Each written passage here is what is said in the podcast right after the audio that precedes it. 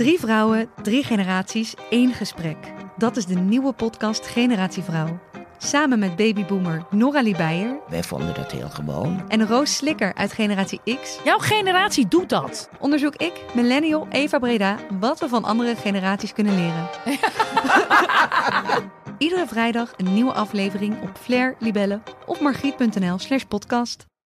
Er was eens een podcastmaker die voor deze podcast deze keer weer naar Amsterdam moest afreizen. En nou had ik verwacht dat we als sardientjes in een trein eh, zouden zijn eh, samengeperst. Want er was weer een storing, een kapotte bovenleiding waardoor ik weer om moest reizen. Eh, nou, ik ben er uiteindelijk gekomen als de geest uit de fles. Ben ik hier toch in Amsterdam om deze podcast op te nemen. Laten we beginnen. Hoi, dit is Tom Holkenborg. Ik ben de componist van onder andere Mad Max Fury Road, Deadpool en Justice League The Zack Snyder Cut. En je luistert naar Movie Insiders.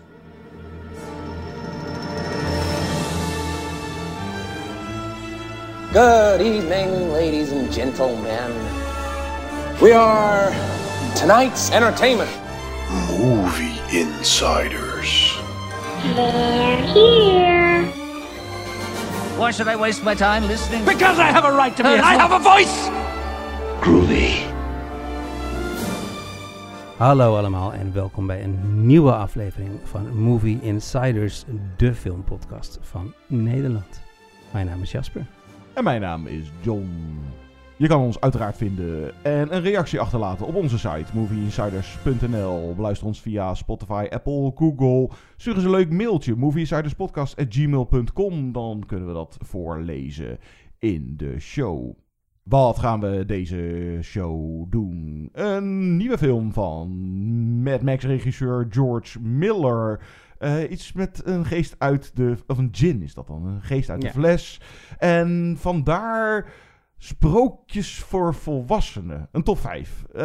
ja, want uiteraard sprookjesverfilmingen zijn er zat. Maar de wat meer richting de horror moet je gaan denken. Die kant op. Ik roep even. Ik wil niet op de feiten vooruitlopen. Maar een man als Tim Burton of zo. Daar, daar moet je een beetje aan gaan denken. Straks een top 5 sprookjes voor volwassenen. We doen een bespreking van de nieuwe Gaspar Noé. Enfant terrible, wat eerder eh, irreversibele, Enter the Void. eh, Climax. Climax en zo maakte. Een film over een ouderstel waarvan zij aan dementie lijdt. Maar we beginnen met Idris Elba die uit de fles kruipt voor Tilda Swinton als ze daarover wrijft. Hier kan je hele rare seksuele dingen achterzoeken. Dit is eh, 3000 Years of Longing. My name is Alethea. My story is true. I am a solitary creature by nature. I have no children, no siblings, no parents. I did once have a husband. If there is fate, who can say? But in the Grand Bazaar of Istanbul, I chose a memento. I like it. Whatever it is, I'm sure it has an interesting story.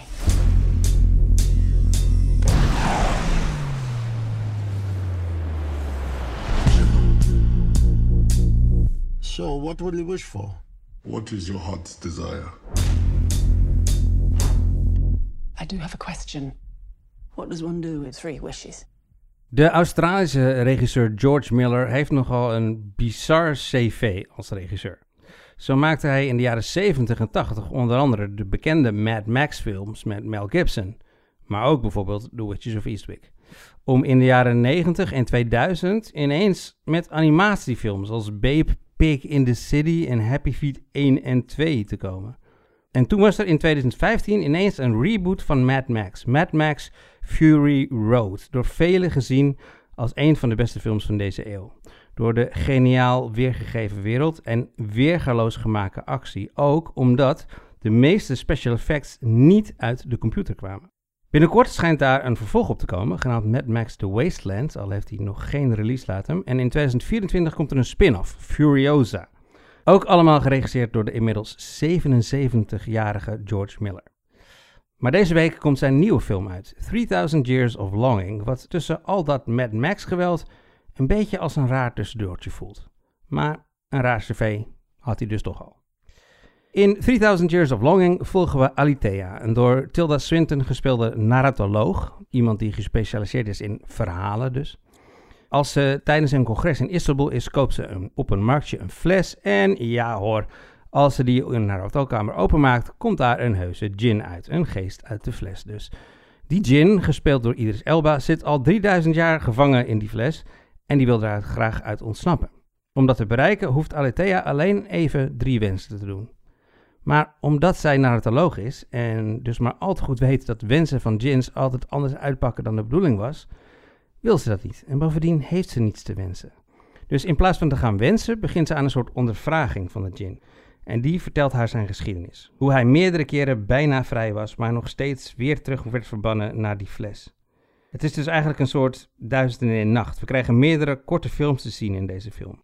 En in die flashback scènes schittert de film echt. De prachtige trucendoos wordt opengetrokken om die verhalen weer te geven. Alleen is, anders dan in Mad Max, deze trucendoos wel volledig uit de computer. John, laat Miller hier zien net zo goed om te kunnen gaan met CGI als met echte practical en in-camera effects? Of miste jij juist dat gevoel? Ik had op zich geen moeite mee. Kijk, dat dit gebruik van CGI en dat het daardoor artificiëler aanvoelt.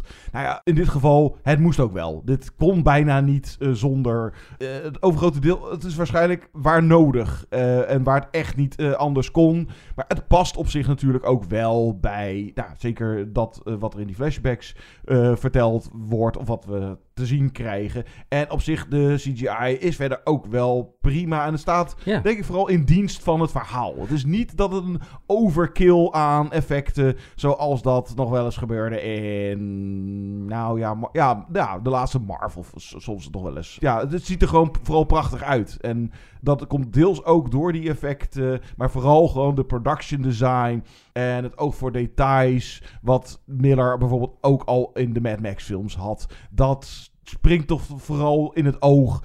En dan ja, dat er af en toe zo'n CGI-rookwolk bij moet, dat snap ik. Ja. ja, ik vind ook dat we... We hebben trouwens sowieso de afgelopen week een beetje gezeurd over de slechte CGI in uh, vooral de superheldenfilms. Nou, in deze film ziet de CGI er wel echt, echt goed uit, vind ik. En wat het ook echt is, is dat inderdaad, het is vorm naar inhoud of zo. Mad Max is heel rauw en ruig en daar passen die practical effects heel erg bij. En dit is een sprookje, dus je past die CGI ook veel beter bij. Dus ik denk, denk dat qua vorm en inhoud op zich gewoon een goede keuze is. Ja, gaat goed samen. En dan uh, gaat het helemaal goed samen ook met het spectaculaire camerawerk van John Seal, die uh, George Miller weer uit zijn pensioen heeft terug uh, weten te trekken. Dat hij eerder deed voor uh, Mad Max Fury Road. Maar hoe de camera hier door die paleizen, door de gangen, zelfs door muren heen gaat. En dat gaat goed samen met die CGI. Ja, ja denk ik. Het, ik weet niet hoeveel trucage. Dus dat moet inderdaad met de camera ook wel iets van trucage. Want je kan niet zomaar met een camera door een muur heen. Dat, dat gaat nou eenmaal niet. En dat het er allemaal prachtig uitziet. Nou, ik, ik, ik las dan dat oorspronkelijk zou zouden ze in Istanbul gaan opnemen. Maar er kwam natuurlijk een pandemie uh, voorbij. En uiteindelijk is alles in Australië opgenomen. En ik weet niet hoe. Ja, hebben ze dan de shots van. Of de, ook van die drone shots van Istanbul. Hadden ze die nog in de stok liggen? Of die hebben ze misschien uit de computer getogen? Weet ik niet. Maar... Ik heb geen idee. Ja, die werelden die worden echt inderdaad heel mooi neergezet. Dus die, die flashbacks, die verhalen die hij vertelt.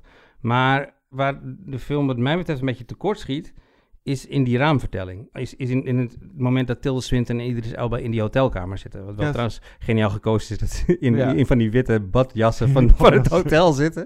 Maar, het is jammer dat de film inderdaad telkens teruggaat naar die hotelkamer. En die twee personages. Want het speelse en het vermakelijke zit hem in die flashbacks. En de verhalen van de gin. En dan word je, die wordt daar weer uitgehaald op het moment dat je weer bij hen bent. Ja, en voornamelijk is het ook dat hij zeg maar, de chemie tussen Tilda Swinton en Idris Elba, die is er gewoon niet. Of die voelde ik in ieder geval niet. Je, je gelooft hun liefde niet. De rare romance die er ja, en, uit voortvloeit. Ik wil er ook niet mee zeggen dat, dat ze slecht acteren. Op mm. zich speelde uh, Tilda Swinton is heel overtuigend. En, en ze doet een stuk minder aan de, overacting wat ze normaal gesproken doet. Idris Elba die maakt van de Gin een, een nou, zwaarmoedig, maar ook grappig en absurd personage. En je kan goed met hem meeleven. Dus daar ligt het allemaal niet zozeer aan. Maar eh, het, is meer, het ontbreekt aan een geloofwaardige chemie, aan een, aan een vonk of zo. En misschien is dat wel het script, of misschien hadden ze die chemie gewoon niet. Nee, ja, ik weet niet. het het is inderdaad raar dat de film voor een nou ja, bijna een soort geforceerde romance tussen deze twee personages. Vooral eh, dan de laatste acte, die ook het minst interessant is van de film. ja. Hoewel er best ook nog wel wat aardige dingetjes in zitten. Maar het is gewoon jammer dat je te vaak in de film uit het duizend en één nacht sprookje wordt getrokken. En dan zitten er echt, voor mij, ja, wel wat diepere lagen in. In hoeverre die overkomen. Nou ja, een belangrijk aspect, eh, wat best ook wel vaak wordt aangehaald in de film, is de, het verhalen vertellen. En in hoeverre, nou ja, liegen over bepaalde dingen. Want eh, nou, die las ik dan bijvoorbeeld. Ha- haar naam, Alathea, dat was eh, ooit de Griekse godin van de waarheid. Of, of- dus nou, Ja. liegen en de waarheid. En je zou, als je een beetje gaat te zoeken, een soort van commentaar op eh, de, de- tegenwoordig. Dat, nou bijvoorbeeld in het geval van de gin is er ook wel een soort van logica achter dat hij eh, leugens misschien ook wel deels misbruikt of eh, ge- gebruikt om uiteindelijk te krijgen wat hij wil. Hij wil iets zijn van haar, Zijn, vrij- ja. zijn vrijheid. Ja, hij wil dat ja. zij die drie wensen doet. Maar die wil zij niet doen, want ze, Nee. ze heeft niks te wensen. Dus een soort van manipulatie en, eh, nou ja, inderdaad, eh, liegen om op die manier de mensen te, te manipuleren om je, nou, je zin te... De film heeft zeker wel wat te zeggen, maar ik zou hem niet zozeer daarvoor ook gaan kijken. Je, Nee. je kan het eruit halen als je dat leuk vindt. En dit is wel inderdaad wat je net zegt. Dit is echt een film over verhalen vertellen. Dat maakt de film ook heel snel al duidelijk. Eh, het gaat natuurlijk ook over emotie, dat blijkt alleen uit de titel. Maar alleen al door Alitea gewoon een narratoloog te maken. Iemand die gespecialiseerd is in verhalen. eh, maar ook door haar in een hotelkamer te zetten waarbij ze zeggen... Hier heeft Agatha Christie haar eh, Death on the Nile geschreven. Weet je wel, dit is een film over verhalen maken. Ik denk ook trouwens dat ze door dat hotel te noemen misschien wel wat eh, budget eh, hebben kunnen besparen. Mm. Ja, de film laat dus heel duidelijk weten dat het gaat over verhalen en over verhalen vertellen. En ik heb altijd een beetje een raar gevoel bij films of, of boeken die zo duidelijk over de magie van verhalen vertellen gaan. Het voelt zo zelf ingenomen. En ik denk dan altijd, als je echt de magie van verhalen vertellen wil laten zien, kan je dan niet beter gewoon een heel goed verhaal vertellen, in plaats van maar blijven herhalen hoe belangrijk en tijdloos verhalen vertellen is. Ja. Ja, het voelt in deze film inderdaad een beetje te veel van eh, het gaat. Het is dan ook toevallig dat, dat, dat zij de. eh, wat is de functie? Eh, ik weet het even niet meer. Maar, Narratoloog, eh, ja. eh, dat, dat zij dan natuurlijk dat flesje dan vindt. En het, het- ja, dus het script komt George Miller niet helemaal lekker uit. Het ligt zeker niet aan Tilda of Idris, die eigenlijk altijd wel zo goed eh, zijn. Maar, nou, en die romance, eh, ja, je accepteert hem gewoon niet lekker. Maar Nee. nou, oké, vooruit. Het zij zo. En dan is de film ook nog wel redelijk serieus. Er had van mij wel wat meer humor in gemogen. En ja, historisch, eh, mythes, eh, nou, namen als Queen of Sheba en Koning Solomon, die komen voorbij. En ja, het is wel degelijk een sprookje voor volwassenen, omdat eh, nou, er zit ook best wel het een en ander aan naakt. Het is Het is niet voor kinderen, Nee, zeker zeker, niet, niet voor kinderen. Nou, eh, er worden wat linkjes gelegd met eh, nou, de, de goden van vroeger. En dat, de, nou, bijvoorbeeld zeker nu de superhelden, comic books en dat soort dingen. Het, nou, het was voor mij conclusie, een aardig tussendoortje van George Miller. Maar als we hierdoor langer moeten wachten op Furiosa of de volgende Mad Max... Had dit dan misschien maar niet gedaan? Het, de- ja, het, het keek wel... Het is prachtig om te zien. Het keek lekker weg. Maar dit is nou... Ik, ik zat vooral zoiets van... Potverdorie, waar blijft die nieuwe Mad Max nou? ja, dat snap ik heel goed. Net als bij de volgende film die we gaan bespreken, eh, moest ik bij deze film denken aan, roept deze film eigenlijk automatisch vergelijkingen op met eerdere films. En ik moest bij het kijken van deze film, van 3000 Years, vooral heel erg denken aan The Fall van Tarsim Singh uit 2006. Ja, goeie. Die werd trouwens ook eh, getipt door een luisteraar en scenario-schrijver Lawant voor de top 5. Want ik heb eh, mensen op Instagram weer gevraagd daarom. Eh, maar The Fall, die heeft namelijk ongeveer dezelfde structuur als deze film. Het, gaat daar over een gewonde en suïcidale stuntman, Lee Pace, bekend van de geniale serie Halt and Catch Fire. En die vertelt aan een klein meisje in het ziekenhuis een fantastisch verhaal. En net als de Jin doet hij dat om haar te manipuleren. Hij wil iets van haar. Hij wil namelijk dat zij morfine voor hem steelt, zodat hij een overdosis kan nemen. Maar The Fall is zoveel mooier en fantastischer en werkt zoveel beter dan 3000 Years. Ten eerste werkt het centrale verhaal van de stuntman en het meisje veel beter. Daar is wel duidelijke chemie. Dat is een belangrijk verhaal. Dat is een emotioneel onderdeel van de film. Uh, en het is ook meer een eenheid met het sprookje wat hij vertelt, omdat hij het ter plekke bedenkt, het verhaal wat hij aan het vertellen is. En de acteurs uit de echte wereld ook de rollen in het verhaal vertolken. Dus die emotionele impact werkt veel beter. Maar belangrijker, die film gebruikt de techniek veel efficiënter en mooier. In 3000 Years wordt er wel af en toe gebruik gemaakt van crosscutting. Dus dat betekent dat het ene beeld lijkt op het andere beeld. Je ziet bijvoorbeeld in het begin van 3000 Years, geloof ik, de wielen van het vliegtuig landen. En dat worden dan de, rol, de wielen van het rolkoffertje van een Ja, ET of zo. en dat soort dingen. maar dat is puur esthetisch en, en eh, zonder betekenis. Maar in de val wordt ontzettend veel crosscutting gebruikt. En juist om elke keer te switchen tussen de echte wereld en de wereld uit het verhaal. En met alle symbolische lagen en betekenissen die daar dan weer bij horen. En in de val, nog even ter- terug te gaan op de CGI, er zit wel CGI in de val, maar de echte magie komt dus uit die manier van monteren. En bovendien gaat het verhaal ook letterlijk de hele wereld over. Je had het net al over van, nou, hoe hebben ze Istanbul eigenlijk eh, erop gekregen? De vol wordt echt over de hele wereld eh, zijn ze. Maar daar, ze zijn er ook echt. Als ze daar voor de Taj Mahal staan, dan staan ze ook echt voor de Taj Mahal. Dan staan ze niet voor een greenscreen ergens in een Hollywood studio. Dus die film laat echt zien hoe je een film over verhalen vertellen moet maken. En nou, de val had heel, zeker heel hoog in mijn lijstje gestaan. in mijn top 5, als ik hem niet belangrijker vond om hem hier te noemen. Als je 3000 Years echt heel mooi vond, dan ga dan zeker ook de val kijken. Die is te zien op Cinemember. Ja, dus de verhalen in dit verhaal zijn vooral de moeite. Dus de flashbacks. En het verhaal zelf niet zozeer. Nee, ja, want wat wil, wat de film ons nou eigenlijk vertellen? Dat verhalen vertellen belangrijk is, dat, dat liefde gedoemd is, zo. Het, het voelde voor mij alsof het een soort opsomming was van hoe liefde en haat eh, de mens en, en, en blijkbaar tot vreemde acties kan leiden. En het centrale verhaal is gewoon statisch. Het, het vindt volledig plaats in je hotelkamer. Het is gewoon lang niet interessant. Het is eigenlijk wrang hoe een film over het vertellen van verhalen eigenlijk geen echt belangrijk centraal verhaal te vertellen heeft. Voordat wij zo doorgaan met een bespreking van de nieuwe Gaspar Noé, Vortex en we hebben een top 5 sprookjes voor volwassenen. Eerst een stukje van de score van 3000 Years of Longing. hey, dat is onze Junkie XL Tom Holkenborg. Die nou, tot nu toe vooral de muziek inderdaad van Mad Max en veel van die superheldenfilms gedaan heeft. Maar hij kan blijkbaar ook mooie romantische muziek maken. Een stukje score van Tom Holkenborg.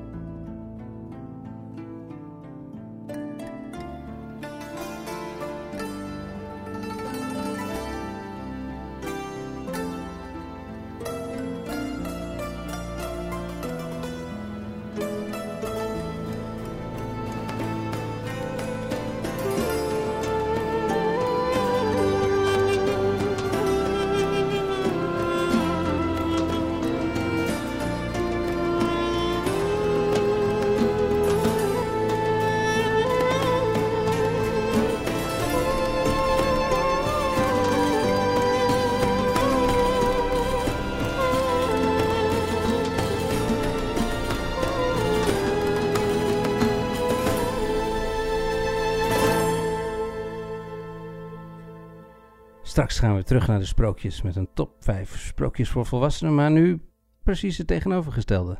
Dit is Vortex. Pourquoi tu es parti Qu'est-ce que tu as pu passer J'ai été cherché partout, par tous les quartiers. Je me suis épanouie, heureuse et amoureuse, au rayon du soleil, me suis fermée la nuit. Ramène-moi à la maison. Ramène-moi à la maison. On est à la maison, maman. T'as peur Provocateur Gaspar Noé. Love him or hate him. Eens kijken of de luisteraar door heeft in welk kamp ik zit. Hij tergde ons eerder met het misselijkmakende irreversibele en het alleen vol te houden onder invloed van zeg paddo's Enter the Void. Zijn porno, oh nee, Love heet dat ding, heb ik niet gezien. En ah, oké, Climax was wel cool. Nadat hij bijna overleed aan een heftige hersenbloeding, doet hij wat rustiger aan en maakte zijn meest sobere film tot nu toe, Vortex. We zien de laatste fase in het leven van een naamloos ouder koppel in en rond hun flat in Parijs. Hij wordt gespeeld door Italiaanse giallo-regisseur Dario Argento, die van Suspiria en Deep Red. Hij probeert een boek te schrijven over de relatie tussen dromen en films, maar kampt naast zijn eigen gezondheid vooral met zijn steeds dementer wordende echtgenote Françoise Lebrun. Hun zoon, Stefan, Alex Lutz, komt af en toe langs om de pijnlijke situatie te bespreken. Het zou Gaspar Noé niet zijn als hij niet iets stilistisch aparts zou doen. Na een kort idyllisch begin waarin alles nog goed is, splitst het beeld in tweeën als de aftakeling inzet. We zien dus twee vierkanten naast elkaar waar je in ieder meestal een van de personages volgt. Jasper, we gaan het uiteraard zo over die stijl hebben, maar ik ben vooral benieuwd wat jij van Gaspar Noé vindt. Tot welk kamp behoor jij? Nou, ik denk toch wel een beetje het andere kamp dan jij. Ik ben geen super groot fan, maar ik uh, vond Irreversibele een erg sterke film. Ik heb Climax gezien uh, in een nachtvoorstelling op het Filmfestival Rotterdam met de echte dansers erbij. Dus nou, dan, uh, dan ben je sowieso al wel ingepakt. Ja, Noé is een filmmaker die geïnteresseerd is in extreme en in het kwaad en in sensatie en controverse, zoals je al zei. Maar het is eigenlijk, terwijl ik deze film kijk, want je noemde dit zijn mijn meest sobere film tot nu toe. Dat is het zeker. Het is rustigste film nu, nu toe. Het is bijna slow cinema. Maar hoe verschrikkelijk die, die, die minutenlange verkrachtingsscènes uit de Reversibele en zo ook waren. Is dit misschien wel nou eens zwaarste film om naar te kijken. Het is soms alsof je naar een nachtmerrie aan het kijken bent. Juist omdat het zo echt is, vind ik. Ja, ja, dus op een andere manier zwaar. Ja. eh, ja het is zeker geen lichte kosten. En, en, aan- en aan de andere kant is het ook wel, inderdaad, zoals je zegt, zijn meest zachte film. Want hij heeft hier duidelijk wel het meeste mededogen voor zijn personages. Maar het is wel een soort nachtmerrie waar je in terechtkomt en moeilijk uitkomt. Ja, en in dat opzicht is het dus wel echt een duidelijke no way. Ja, kijk, zijn stijl, de toon en ook de inhoud vind ik doorgaans dus heel vervelend. Eh, zijn debuut, uh, Seul contre toe uit 1998.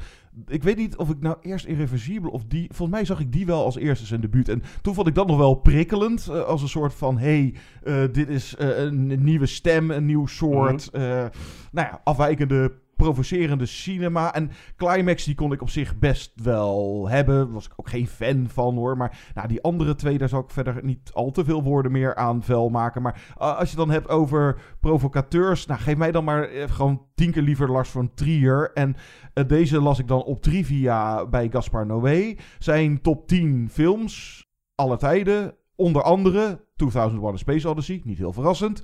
Salo van de Pasolini, de.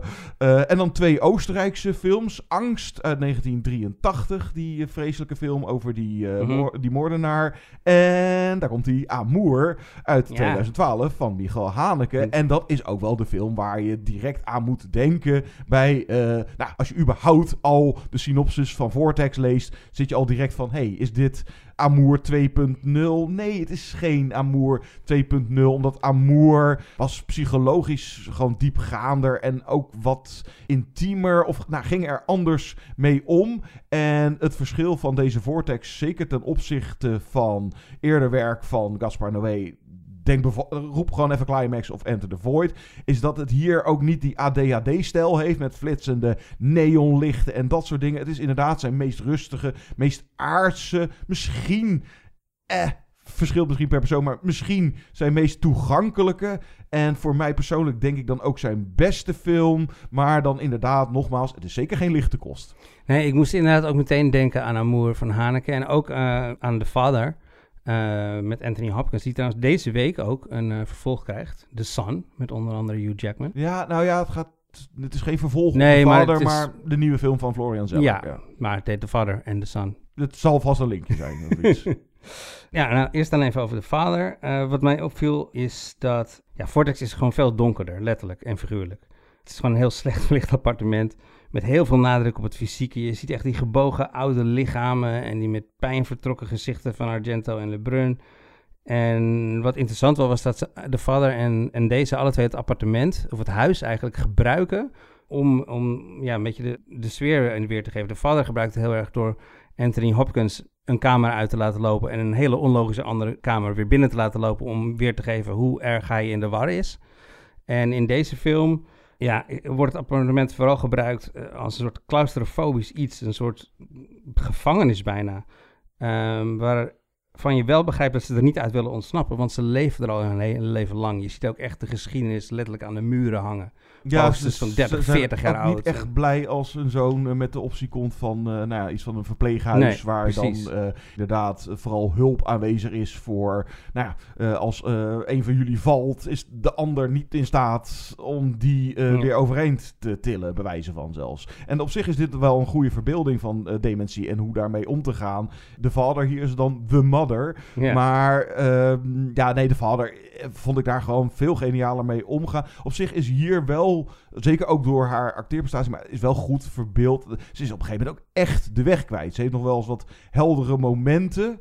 Maar uh, ik denk dat als je ook uh, de stijl waar we het zo nog even over hebben, maar uh, zeker als je hij, zij gesplitst in beeld hebt, moet je vooral naar haar kijken. Dat en zo goed geacteerd is, maar dat is het meest interessante aan deze film. Die verbeelding daarvan. dat ze ook af en toe moeite heeft met spraak, maar de verwarring, mm -hmm. verdriet. Ze gaat ja, maar een beetje dingen opruimen of dingen weggooien. Ook dingen waar uh, hij dan niet zo blij was. hey, je gooit mijn manuscript uh, in de prullenbak, bij wijze van. Dus, maar ja, die verbeelding is erg sterk getroffen.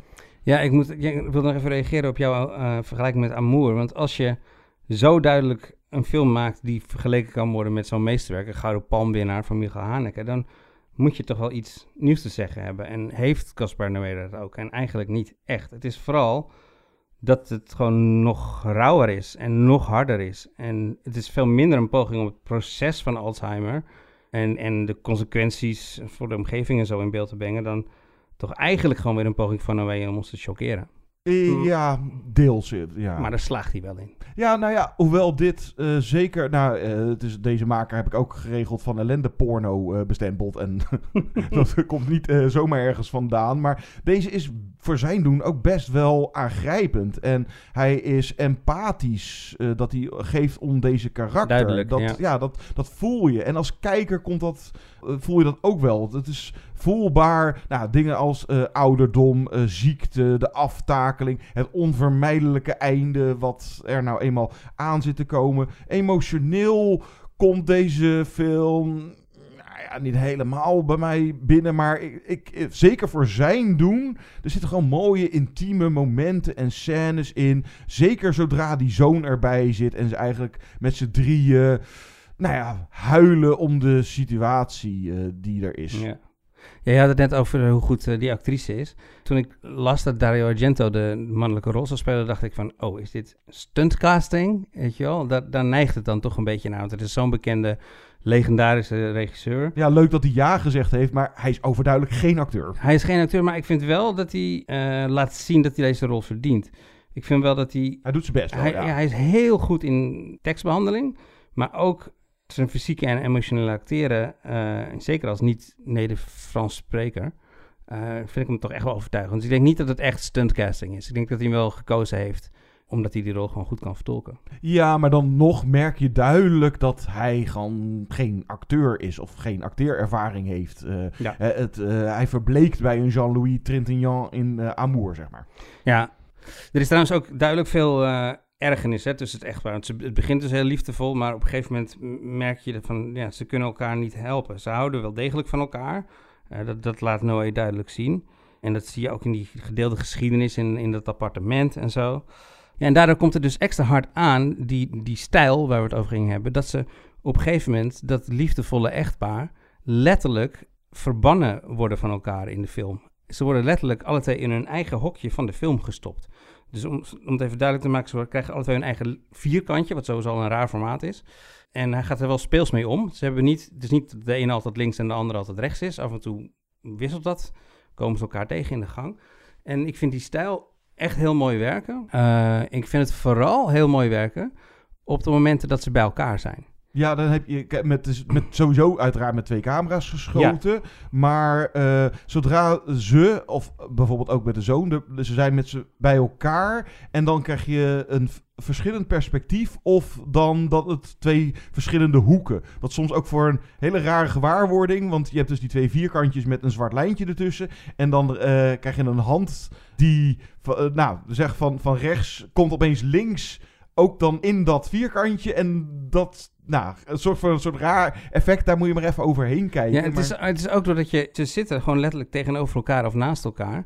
Maar ze hebben alle twee een eigen camera. En er- je krijgt dus letterlijk een ander perspectief. Ja. Zeg maar. En ook als ze elkaar aankijken, door die, en net iets, dat de camera net iets anders is... kijken ze elkaar nooit recht in de ogen. Die stijl vind ik gewoon echt heel mooi werken. Ja, en op zich dus wel effectief. eh, ja, nou ja, meestal wel.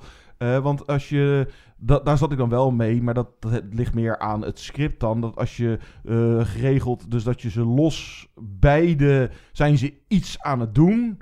Maar als ze allebei een kwartier lang niet echt iets heel erg boeiends aan het doen zijn, dan kan je dat wel keer twee doen. Maar dat maakt dan geen verschil, want dan zie je naar twee vierkantjes te kijken waar niet heel veel spannends gebeurt. Ja, dat is waar. En dan is het geregeld zo dat ik denk misschien, nou bewust weet ik niet, maar er zit ook nogal vaak redelijk acute. Of eh, je zou dat misschien kunnen bestempelen als slechte montage in. Dat de- dan heel snel, ja, acuut. Er zitten zo black, blackouts in. Ja, zoiets. Nou, wordt er later in de film zonder al... Nou ja, hoeveel kan je spoileren? Maar nou, zodra er dan een personage overlijdt, dan... Nou, daar wordt wel weer wat moois dan... Qua stijl wordt er Mhm. wat, wat moois mee gedaan. Maar die, die montage af en toe, dat, dat viel me echt op van... Ja, dat past dan weer, geloof ik. Dat is weer een beetje zo'n Gaspar Noé dingetje. Die wil altijd maar een beetje... eh, niet, eh, het moet allemaal niet te, te mooi of te gaaf. Het moet ook een soort van... eh eh, dan alsnog ook eh, in zo'n film. Een soort van... Met, met Ja. de editing dan, oké. Ja, die, die editing en die stijl, die, ma- die maakt gewoon heel pijnlijk duidelijk dat... En, en ze kunnen elkaar dus niet helpen. Ze hebben alle twee hun eigen gebreken. Hij heeft fysieke gebreken. Zij eh, wordt dement. Je ziet echt inderdaad letterlijk de rook achter haar ogen, de mist optrekken. En de film maakt heel pijnlijk duidelijk dat zelfs liefde dus geen hulp is tegen slechte gezondheid. En door hun leeftijd en hun eigen gebreken kunnen ze elkaar niet helpen. En ze zijn echt alleen. Alleen in hun deel van het scherm, maar ook alleen in dat appartement. Dat gewoon echt als een soort gevangenis begint te voelen. Ja, als een mooi schrijnend portret eh, werkt hij zeker. Sterk geacteerd. Vooral zij en, eh, en de zoon is ook goed. En de stel, eh, nou ja, sowieso heb ik liever dit dan, roep even Irreversibele en Enter the Void. Maar ondanks dat, eh Gaspar Noé, ik, voelde het van tevoren al aankomen van, ja, dit was toch ook wel weer een beetje huiswerk voor me. Het is dat je hem toch ja, voor de podcast dan wilt doen. Ik had er ook wel gewoon weer wat moeite mee. Grotendeels door de lengte. Hij duurt bijna 2,5 uur. Mijn aandacht zakte af en toe een beetje weg. En het deed me ook gewoon een stuk minder dan Amour. Of zeker dan de vader. De vader Ja. werd ik ook echt emotioneel doorgegrepen. En ja. dit het liet me niet koud. Maar ik zat hier vaak wel een beetje naar te kijken. Zo van. Oh, ik heb hier geen zin in om hier naar, naar te kijken. En dan eh, denk ik dat ik toch zeker eerder misschien nog een climax een tweede keer aan zal zetten dan deze. Ja, dit is geen rewatch film, eh, denk ik. Nee, zeker niet. Maar het is wel een film die me, denk ik, bijblijft. Het is wel, eh, hij probeert te chockeren en hij probeert iets naast neer te zetten. En dat doet hij wel heel goed.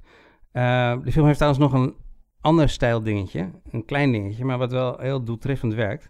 De film begint namelijk met de aftiteling. Ja, dat doet hij toch meestal. Ja, dat is iets wat vroeger natuurlijk heel gebruikelijk was. Hè, maar tegenwoordig zie je dat niet zoveel meer. En ik dacht eigenlijk meteen weer, oh, daar gaan we weer. Irreversibele, omgekeerde verhaalstructuur. Maar nee, deze film wordt wel helemaal chronologisch verteld. En ik denk dat hij begint bij de aftiteling om gewoon meteen aan te geven dat dit een film over eindes is. Over het einde. En wat ik later bedacht, en wat ik ook wel mooi vind, is dat het feit dat die film begint met de aftiteling ook een heel bitter effect heeft. Namelijk dat ze aan het eind van de film niet meer nodig zijn. Dus na de laatste scène, de nare laatste scène, krijgt het publiek niet de kans om bij te komen in het duister tijdens de voorbijronde namen van de cast en de crew. Nee, na de laatste scène is het afgelopen en gaat het licht aan. Caspar Noé is voor zijn publiek nog steeds even meedogenloos. zo een stuk leukere kost. Een top 5. Sprookjes voor volwassenen. Laten we om daarvoor in de stemming te komen. Een beetje passende score. Ik denk niet dat een van ons deze in de top 5 zal hebben staan. The Brothers Grimm. Die niet helemaal geslaagde film van Terry Gilliam over de gebroeders Grimm, bekend van alle sprookjes. En die werden dan gespeeld door uh, Matt Damon en Heath Ledger. En nou, dit is echt een stukje score, sprookjes voor volwassenen. Nou, dan moet je dit soort muziek hebben van componist Dario Marianelli. Uh, de film is trouwens te zien op Netflix. Tot zo.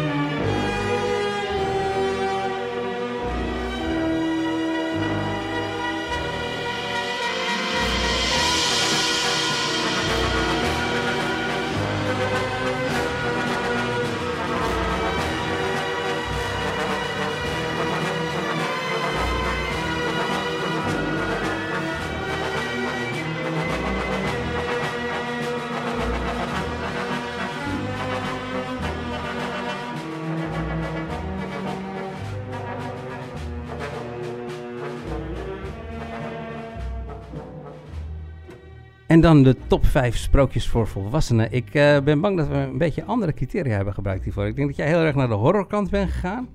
Ik heb nou, uh, misschien ook wat andere keuzes. Ik ben heel erg benieuwd. Heb jij, had jij criteria? Nee, niet echt. Uh, ja, sprookjes voor volwassenen. Nou, zal ik hem even inkoppen? De Bijbel. maar nou ja, zoiets als Faust. Ja, ja mis, misschien. Ik ben er uiteindelijk niet voor gegaan. Maar... Ik heb uiteindelijk gekozen om bij bijna, bijna al mijn films uh, een film te, te, nemen die kan linken aan een bestaand sprookje. Oké, ik heb ook wel uh, één of zelfs twee die echt nou, wel bekend. Ik heb eigenlijk. Nee, ja, ik heb, nou, ja, er zit altijd wel een horror elementje of zo in. Maar ik heb geen volbloed horrorfilms erin staan. Dus, oké. Nou, ik ben benieuwd. Wat is je top uh, nummer 5? Voor mij nummer 5 naar Azië. En ja, daar hebben ze ook allemaal sprookjes en folklore. En nou, het is eigenlijk dankzij films dat ik daar een beetje bekend mee ben geworden. Want ja, ik ben niet opgegroeid in Japan of in China. Nou, we gaan in dit geval even naar China. Uh, even een bekend voorbeeld is dat uh, Journey to the West. Dat zal misschien mensen niet direct een lichtje gaan branden. Maar The Monkey King, die zit daarin. Nou, dat is denk ik wel iets meer. In ieder geval, die verfilmingen die ik daarvan gezien heb, is toch wel iets meer altijd gericht op uh, kinderen. En dit is zo'n film, mijn nummer 5 ja, kinderen, je kan hem wel aanzetten. Er zitten geen hele enge, schokkende dingen in. Of zo. Green Snake uit 1993 van regisseur Tsui Hark. Die vooral bekend is van de Once Upon a Time in China films. Met, die ken ik uh, wel. Ja, met Jet Li.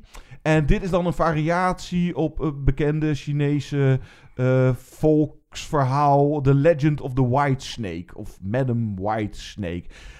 Even kort, uh, nou, het gaat over twee slangen, zussen, die dan uh, menselijke gedaante aannemen. Green, de groene slang, wordt gespeeld door Becky Chung. En White wordt dan gespeeld door Joey Wong. Nou, en die White krijgt dan ook een romance met een docent in, nou, zoiets. En is nog een boeddhistische monnik die nou ja, hier bijna als een soort van de bad guy. En die moet die, eh, verband demonen naar de andere wereld of naar de onderwereld. Er komt een hoop eh, boeddhistisch eh, nog bij kijken. En ja, in hoeverre dit dan eh, valt onder volwassen sprookje, nou, is omdat het toverwoord voor deze film is vooral hitsig. Dit zijn echt twee geile slangen. Ze zijn constant hitsig en aan het kronkelen en met die eh, lichamen en zo. En dan is deze film stilistisch krankzinnig. Zoals Tsui Hark eh, dat wel vaker gedaan heeft. Of zeker de Hongkongse cinema uit de jaren negentig. eh, nou, maar je moet bijvoorbeeld ook wel denken aan eh, Chinese Ghost Story. En nou, dat idee is dit zeg maar een beetje. Met dan ook van die best op zich dan wel weer charmante, knullige effecten. Dat als zij dan, zeker groen, die kan niet altijd constant de menselijke gedaante in stand houden. Dus af en toe is ze dan half en dan heeft ze echt zo'n zo'n rubberen groene staart. Die, dat, het heeft wel wat. En dan vooral eh, de Wuxia, de martial arts, is dan in de finale als zij strijden tegen die boeddhistische monnik. Het is ja, gewoon een lekker maf en geinig om dan eh, eens een keertje Aziatische sprookjes, eh, bijvoorbeeld eh, Green Snake.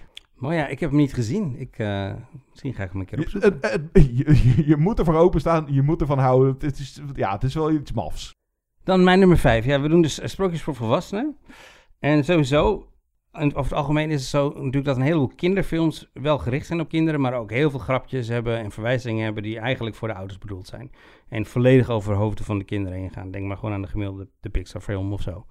Die neem ik natuurlijk niet mee, want die zijn wel echt voor kinderen bedoeld. Ja, Maar voor van- alle leeftijden. Voor alle Ja, leeftijden. ja. Maar van nummer vijf kies ik toch een film waarbij er zoveel grappen en verwijzingen in zitten, dat die toch echt wel vooral voor de volwassenen bedoeld is, denk ik.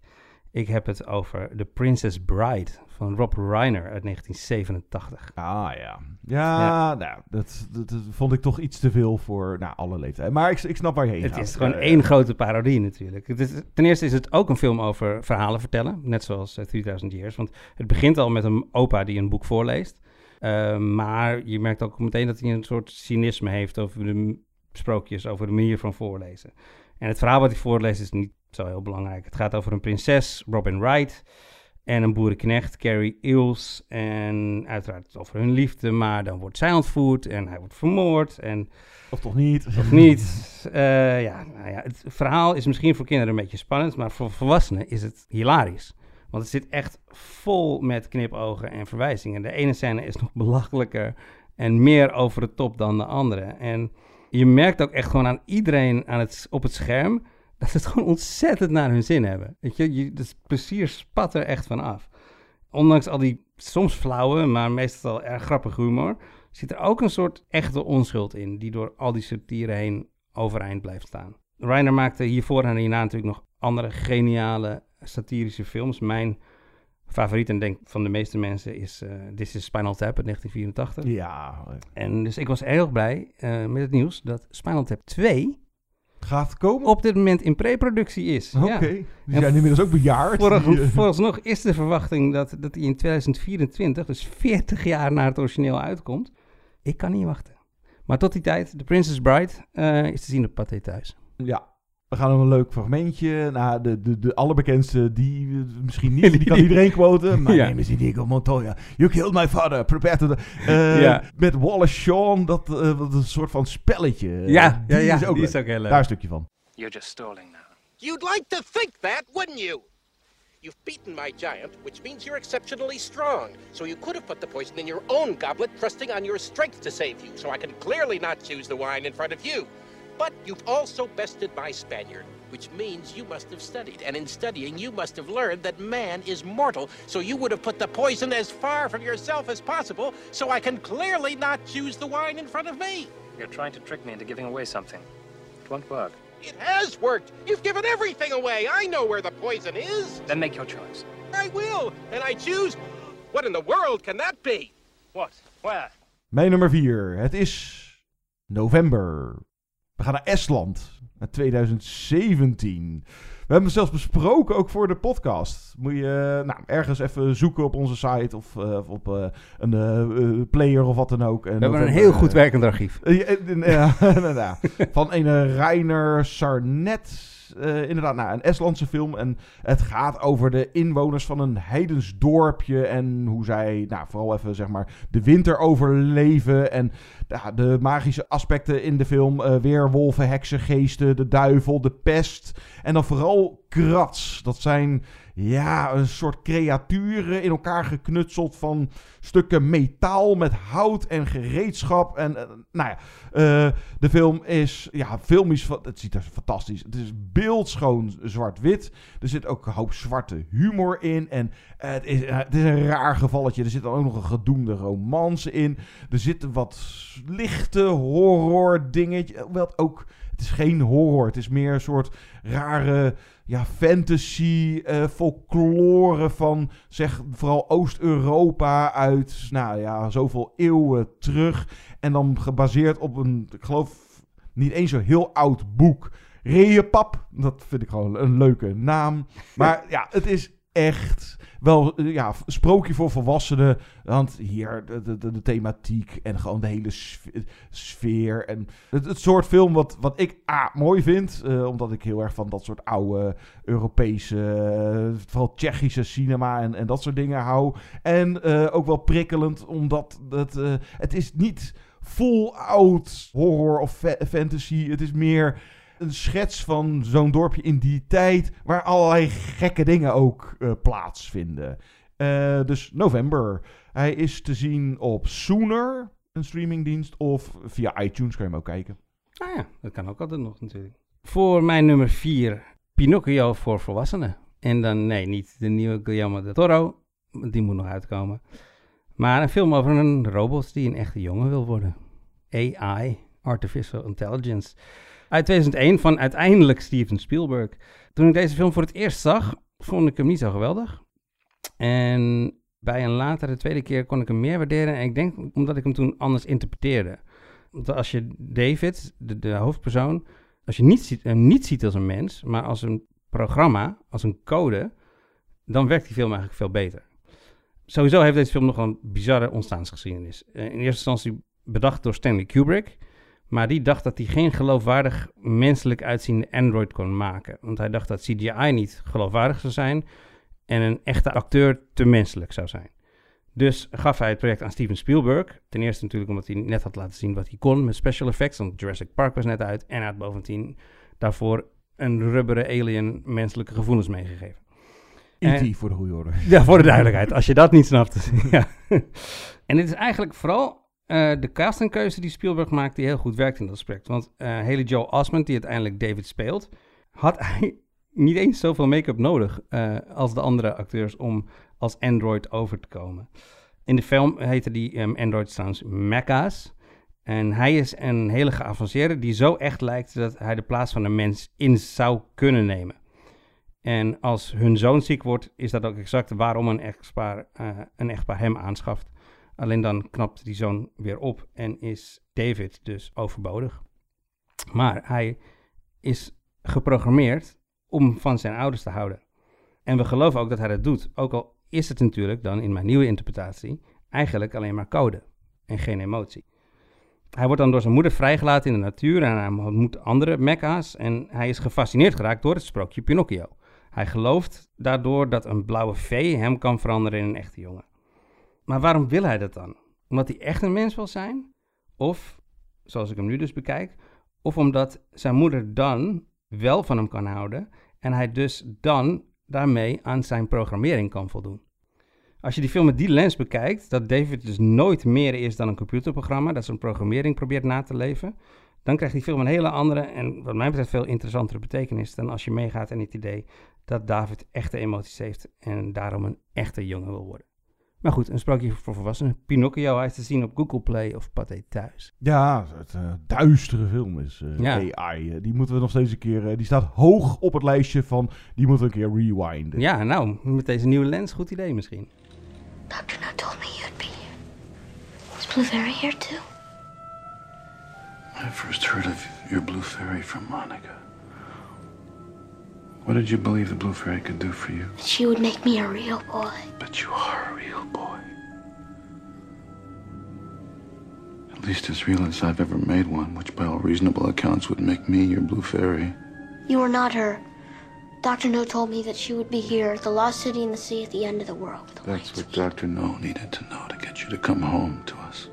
Mijn nummer drie, ja, in de filmgeschiedenis. Sprookjes zijn natuurlijk altijd verfilmd. Eh, je kan dik 100 jaar terug in de filmgeschiedenis gaan en dan vind je wel ergens een Cinderella of een Peter Pan. Of een, eh, Ja, maar voor, volwassenen, dat, eh, nou ja, ik weet niet of dit dan de eerste was die, die insteek.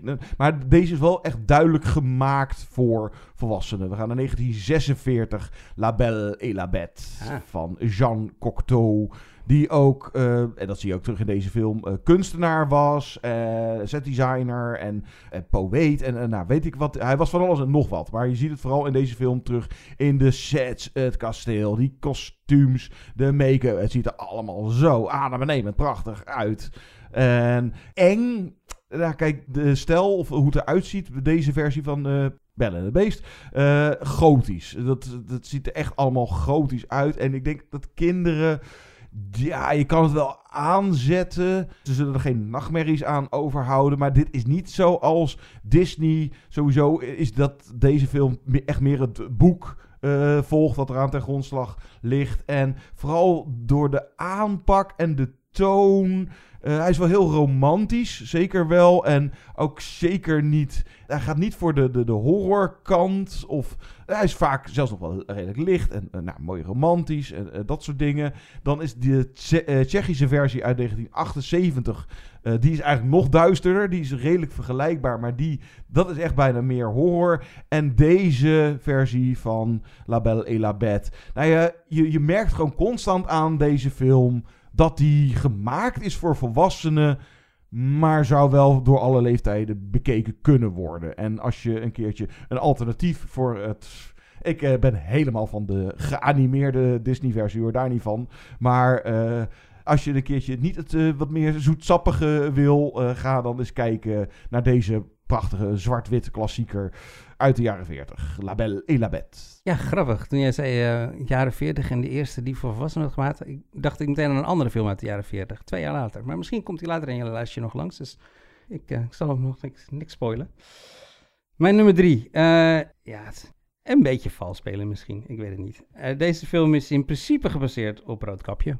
Alleen is de wolf hier een man en Roodkapje niet zo onschuldig. Sterker nog, de rollen worden omgedraaid.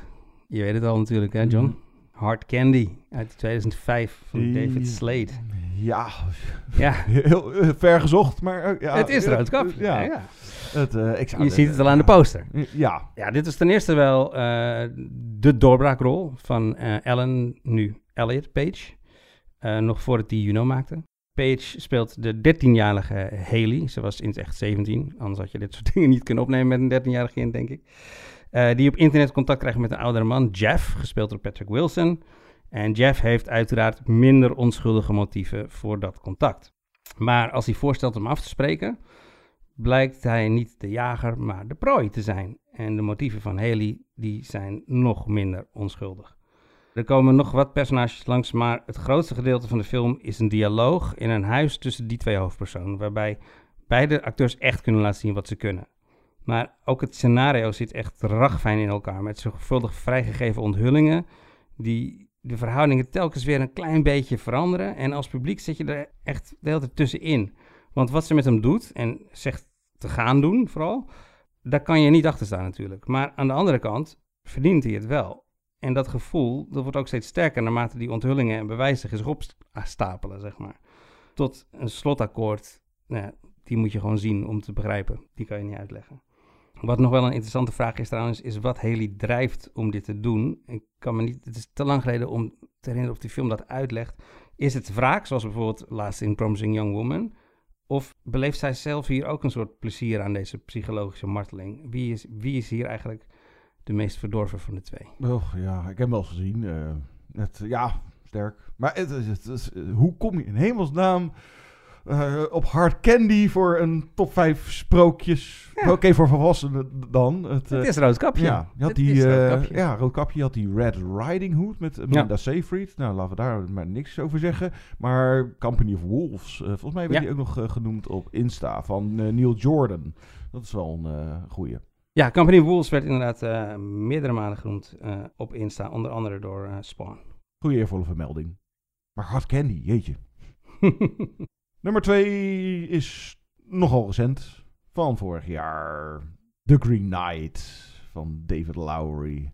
Heb je hem ook? Op nummer 1. Oh, nou, dan uh, gaan we het er... Uh, mag je het er vooral zo uh, nog even mooi over... Nee, begin jij maar. Ja, het is dan gebaseerd op een gedicht van Anoniem. 14e eeuwse gedicht. Ja, ja. Het, het, en Dev Patel die speelt Gawain. Dat is het neefje van... Hoewel die in de film nooit koning Arthur wordt genoemd, maar gewoon koning. Maar dat is dan koning Arthur. Nou... het hele plot uit. Nou ja, je hebt de Green Knight. Die komt het kasteel binnen. En ja, hak mijn hoofd af. En dan over een jaar uh, moet je terugkomen. Om dan hetzelfde met jou te laten doen. En wie durft dat? Deze. Ja, wat is het eigenlijk? Een soort van. Nou, in ieder geval, Gawain die gaat dan die kweesten ondernemen om uiteindelijk bij de Green Knight uit te komen. En onderweg komt hij geesten tegen reuzen, een pratende vos. Maar deze film, het, het gaat natuurlijk vooral over dat het is een test van zijn ja, zijn, zijn ridderschap of zijn, zijn waarde, zijn, zijn moed, zijn koenheid. En vooral dat deze film is zo ja, magisch mooi. Zonder echt door te slaan in, nou ja, zoals 3000 Years of Longing of The Fall. Uh, de, echt helemaal uitbundig. Hier heeft het ook nog een soort aardse rauwheid. Maar daardoor is die extra mooi. En eigenlijk uh, The Green Knight, die vorig jaar nog hoog mijn top 10 haalde. Iedere keer als ik aan terugdenk, vind ik hem steeds beter ook worden. Omdat, ja, het is een, het is een uniek geval. Het, laat ik het even zo zeggen, het moet wel je ding zijn. Uh, hij is trouwens te zien op uh, Amazon Prime Video en op Pathé Thuis. En, uh, dus ja, een redelijk recente titel, dus die moet ook wel te zien zijn. De Green Knight van David Lowery. Thy champ must bind himself to this. Should he land a blow, then one year and Yuletide hence he must seek me out yonder to the Green Chapel, six nights to the north. He shall find me there and bend a knee and let me strike him in return. Be it a scratch on the cheek or a cut in the throat, I will return what was given to me, and then in trust and friendship we shall part. Who then? Who is willing to engage with me? Ja, ik had het precies hetzelfde. Ik, ik, ik was een beetje bang voor recency bias, omdat het zo'n pas geleden was. Maar die film die bleef maar door mijn hoofd heen spoken. Nadat ik hem gezien had. En inderdaad, hij werd eigenlijk in mijn hoofd nog beter dan terwijl ik hem keek. En dit is trouwens net als uh, 3000 Years of Longing in essentie een film over verhalen vertellen. Want dat loopt door de hele film heen. In de openingsscène vraagt de koning, koning Arthur dus, uh, aan onze ridder Gaiwan, die trouwens dat werd gespeeld door Dev Patel. Ik weet niet of je die Ja, die dat. ja, Ik vind het een van zijn beste rollen wel. Ja, ze- eh, ik heb hem nog nooit zo goed gezien. En die koning Arthur die vraagt hem al meteen om een verhaal te vertellen. En ook later zie je het volk bijvoorbeeld naar een poppenshow kijken die hun verhaal vertelt. Dus het verhalen vertellen zit door de hele film heen verwoven. En het is visueel echt nou ja, een prachtige film. Je voelt de kou, je ruikt de modder. En je voelt je ook meteen in een andere wereld. Dit is geen fantasy, dit is geen geschiedenis. Maar dit is gewoon iets heel anders. Ja, maar het is ook geen, eh, geen echte realiteit of zo. Nee. Het, je, je merkt al direct in de film van... eh, het is geen historisch correcte... het, het- is net even anders. Ja, exact. Ja, en wat, wat ik misschien nog wel het knapste vind, is dat je hebt eigenlijk voortdurend het idee dat Lowry precies weet wat hij aan het doen is en wat hij wil zeggen en wat hij wil vertellen. En toch komt volgens mij elke bezoeker met een soort eigen interpretatie deze film uit. Zeker na die prachtige sequentie aan het einde van de film die alles nog een keer helemaal op zijn kop zet. Ja, de eh De- kwartier. ja, ja. exact. Ja. Ja. Dit is echt een film waar je over na kan praten. En ik denk dat er heel veel discussies zijn gevoerd in de lobby's van de bioscopen... die toen, tussen de lockdowns door in de zomer van 2021... zomaar heel eventjes open waren. Maar dat, het feit is dat, dat je inderdaad... Ja, ik denk dat iedereen die deze film kijkt... een andere interpretatie erop kan neerleggen. Ondanks dat je voortdurend het gevoel heeft... dat Lowry precies weet wat hij wil zeggen. Ja, en eh, Koning Arthur, eh, nou, er zijn natuurlijk eh, zoveel films. Excalibur, die zou misschien nog wel in aanmerking komen voor de... Maar de- dit was duidelijk echt het meest een beetje sprookje... voor volwassenen, laat, laat Ja, dat ja. duidelijk zijn. Sprookjesversie van... Ja, het gaat, niet, het gaat ook niet over... hij zit erin, Koning Arthur, maar het gaat over... een van de ridders en wat hij meemaakt met de Groene Ridder. Ja, The Green Knight was dus eigenlijk mijn nummer 1. Maar dan, eh, ja, jij hebt hem nu al genoemd. Dus dan zet ik retrospectief alsnog de val gewoon op nummer 1. Ah. Die hadden we net gesproken als je later inschakelde bij 3000 Years of Longing. Dan op nummer 2, je zei het in het begin al, een Tim Burton film. Die moest erin. Welke? Hier had natuurlijk, ja, hier had van alles kunnen staan. Hier had Big Fish kunnen staan, of Alice in Wonderland, of The Corpse Bride, of Sweeney Todd. Maar ik ga voor een hele eh, vroege Burton. Het hele charmante Edward Scissorhand uit 1990. Die kwam uit tussen alle Burton Batman films in. Nou ja, ik neem aan dat iedereen deze wel kent. Dus over het plot hoef ik niet veel te vertellen. Voor de zekerheid, Edward Scissorhand, gespeeld door Johnny Depp, is geen mens. Hij is gemaakt door een uitvinder. Alleen eh, stierf die uitvinder voordat hij Edward helemaal af kon maken. En daarom heeft hij scharen in plaats van handen. Eh, tot deze film speelde Johnny Depp eigenlijk vooral een beetje de generieke bad guy rebellenrollen. De pretty boy. De pretty boys. En in deze film verbaast hij het publiek eigenlijk voor het eerst door echt een soort fysieke transformatie te doen. Hij speelt hier een personage dat gewoon gevangen zit in zijn ongewone lichaam. En hij laat het heel goed zien, eigenlijk zonder tekst. En vooral in zijn acteren laat hij die frustraties van Edward heel mooi, zien. En helaas eh, bleef Johnny Depp hierna vooral in die fysieke transformatierollen hangen. En eh, ging hij bijna nooit meer echt acteren. Maar... Tot vervelens toe dit, eh, Ja. dit trucje blijven herhalen. Exact, ja, dat was jammer. De eerste twee actes van deze film sprankelen van de originaliteit. En die zijn echt heel goed. En maar tegen het einde vervalt de film toch helaas wel een beetje in die vaste Hollywood-lijnen. En het einde lijkt wel door een soort testpubliek of een reclamebureau bedacht. Ja, die is jammer, dat einde. Dat is jammer. Ja, hoewel dan, had- wel de, de, de- dan volgt wel de traan. Ja. Het mede door de muziek van Danny Elfman. Maar dat einde Ja. met dan die ouder gemaakte Winona Ryder. Wat er gewoon niet... Dat- Nee. nee, nee, nee. Nee, het is geen perfecte film, maar het is wel een fijn, ambitieus en visueel heel mooi sprookje. Maar wat ik wilde vragen, welk sprookje is het nou? Is dit nou nog een keer Pinocchio, want het is een jongen die een echte man wil worden? Of is dit toch Beauty and the Beast? Wat denk jij?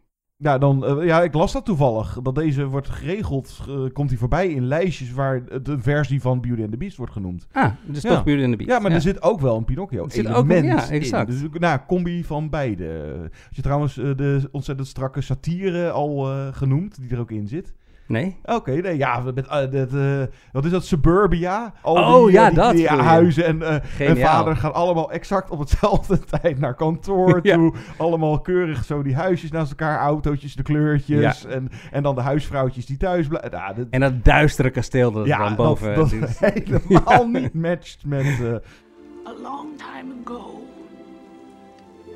an inventor lived in made many things, I suppose.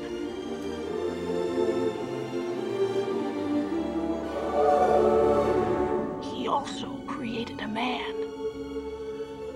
He gave him insides, a heart, a brain, everything. Well, almost everything. You see, the inventor was very old. He died before he got to finish the man he invented.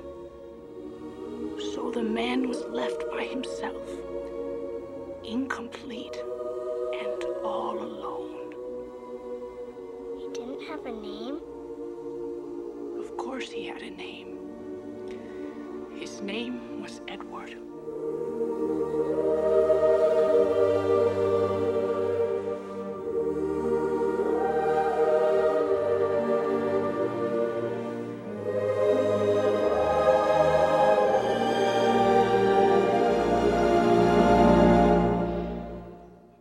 Sleepy Hollow eh, ben ik Ja. eigenlijk net niet voor gegaan. Voor mij nummer ook één. Eh, ja, we, we hadden wat app-contact eh, van tevoren. En ja, Pan's Labyrinth, El Labyrinto del Fauno. Het was volgens mij bij ons beiden de eerste die er Ja. binnen schiet. Daarom heb ik hem ook, eh, ik heb hem niet genomen, want ik dacht, ik geef hem aan jou. Ja, het is ook echt met eh, de drie stippen eh, mijn eh, nummer één. Hij werd volgens mij ook vaak op Instagram Ja, klopt. genoemd. En ja, je kan er een discussie over gaan voeren van ja, in hoeverre...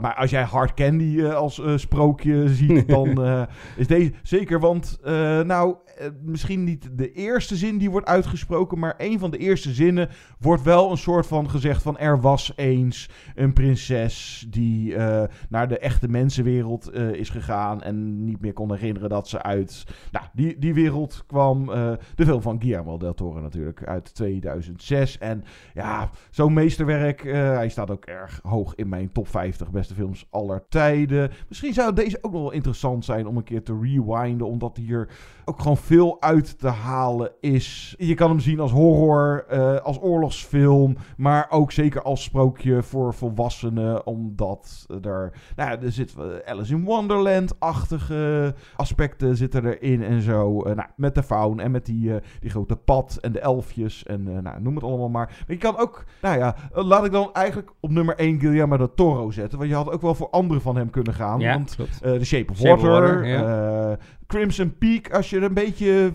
Maar als je inderdaad op die manier doorredeneert, Hellboy, zeker Hellboy 2 dan, als je het dan hebt over superheldenfilms, die vaak ook wel een beetje sprookjes... Mhm. Elementen ah, ele- vol, of het verhaalelementen volgen of wat dan. Dan is denk ik, als je het hebt over de meest sprookjesachtige superheldenfilms, dan schiet bij mij denk ik vrijwel direct Hellboy te binnen.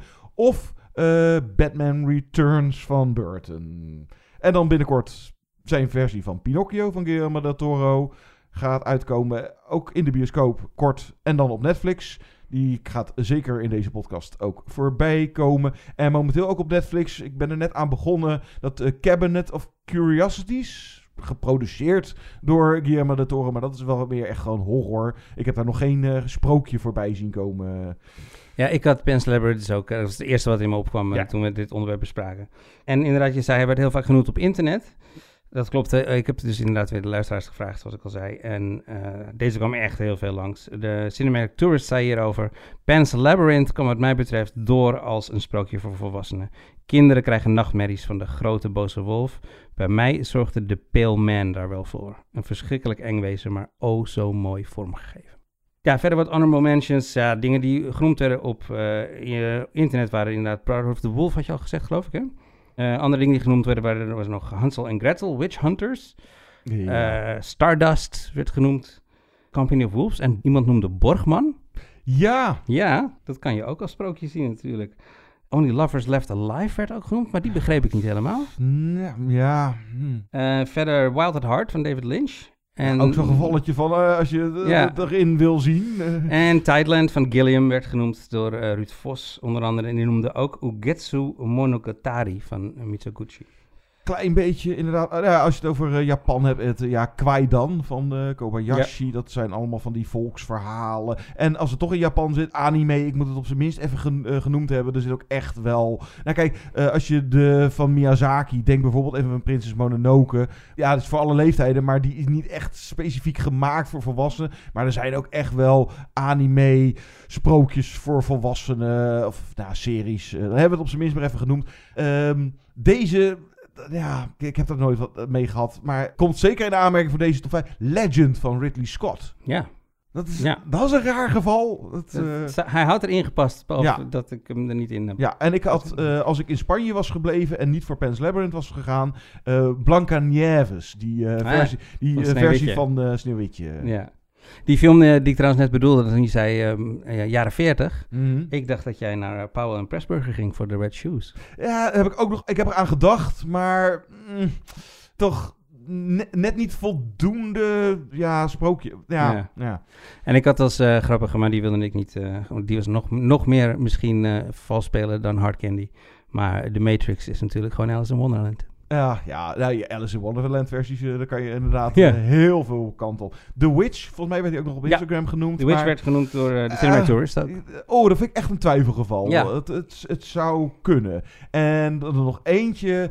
Nou ja, of die me top 10 guilty pleasures aller tijden zou halen, misschien dat zelfs ook niet. Maar ik heb op de een of andere manier altijd wel een soort van fout zwak gehad voor Lady in the Water van M. Night Oh, Shyamalan. Met een waternimf en dan eh, bij dat, ja, eh, wat is het, appartementencomplex. En dat, eh, ja, laten we het maar niet over M. Night Shyamalan hebben. Maar dat is wel duidelijk een sprookje voor volwassenen. Lady in the Water. Zeker. Hi, I'm M. Night Shyamalan, and you're listening to Movie Insiders. Dat was onze top 5 sprookjes voor volwassenen. En dat was ook onze uitzending. Wat gaan we volgende week doen, John? Nou, in ieder geval de eerstvolgende podcast, wanneer er die er precies is. Eh, maar we gaan Sowieso Bones and All, de nieuwe Luca Guadagnino met weer Timothy Chalamet erin, die eerder schitterde in zijn Call Me By Your Name. En dit is uh, een van de meest romantische films van het jaar met, laat ik het even houden, op kannibalen. Uh, Oké. Ja, het is, uh, eigenlijk maakt...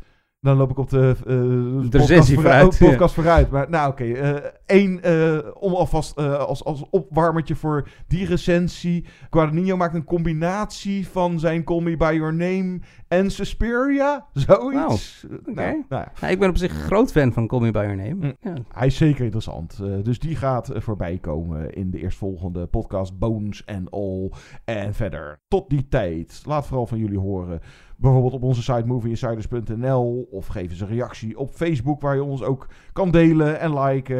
Het, Facebook is, ja, het bestaat nog. En ja, Twitter, hoe, dat hebben we in de podcast gaan we het er ook niet over hebben, maar die overname en voor hetzelfde geld zeggen we over een jaar niet meer, vind ons op Twitter at Movie maar wordt het nou ja, Instagram ook, uh, Movie Insight. Ja, vooral, vo volgens vooral op uh, Instagram. Als je bijvoorbeeld net naar de top 5 luisterde en je dacht... oh, daar had ik ook wat mee mee willen denken... en ik had ook wel iets in willen sturen.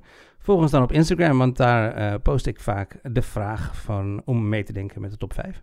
En dat is Movie Insight. En als je een gaaf verhaal kwijt wil, kan dat movieinsiderspodcast.gmail.com. Verder Spotify, Apple Music. Laat daar ook graag een rating achter. Uh, geef ons uh, een paar sterretjes. Uh, dat vinden we alleen maar leuk. En dan gaan we, zoals gebruikelijk, eruit met muziek. En ik wil eens een keertje echt oude muziek draaien. En okay. de score is fantastisch. Van Georges Auric uit La Belle et la Bête uit 1946. Tot gauw. Tot snel.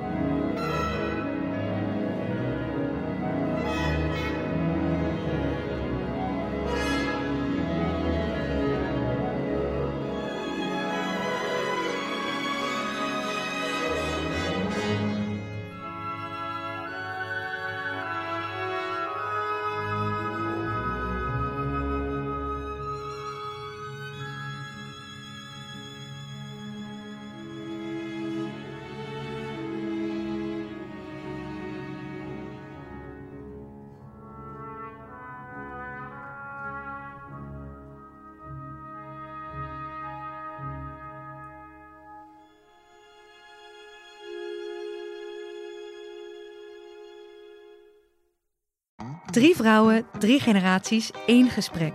Dat is de nieuwe podcast Generatie Vrouw. Samen met babyboomer Noralie Beijer Wij vonden dat heel gewoon. en Roos Slikker uit Generatie X. Jouw generatie doet dat. Onderzoek ik, millennial Eva Breda, wat we van andere generaties kunnen leren. Iedere vrijdag een nieuwe aflevering op Flair, Libelle of margriet.nl slash podcast.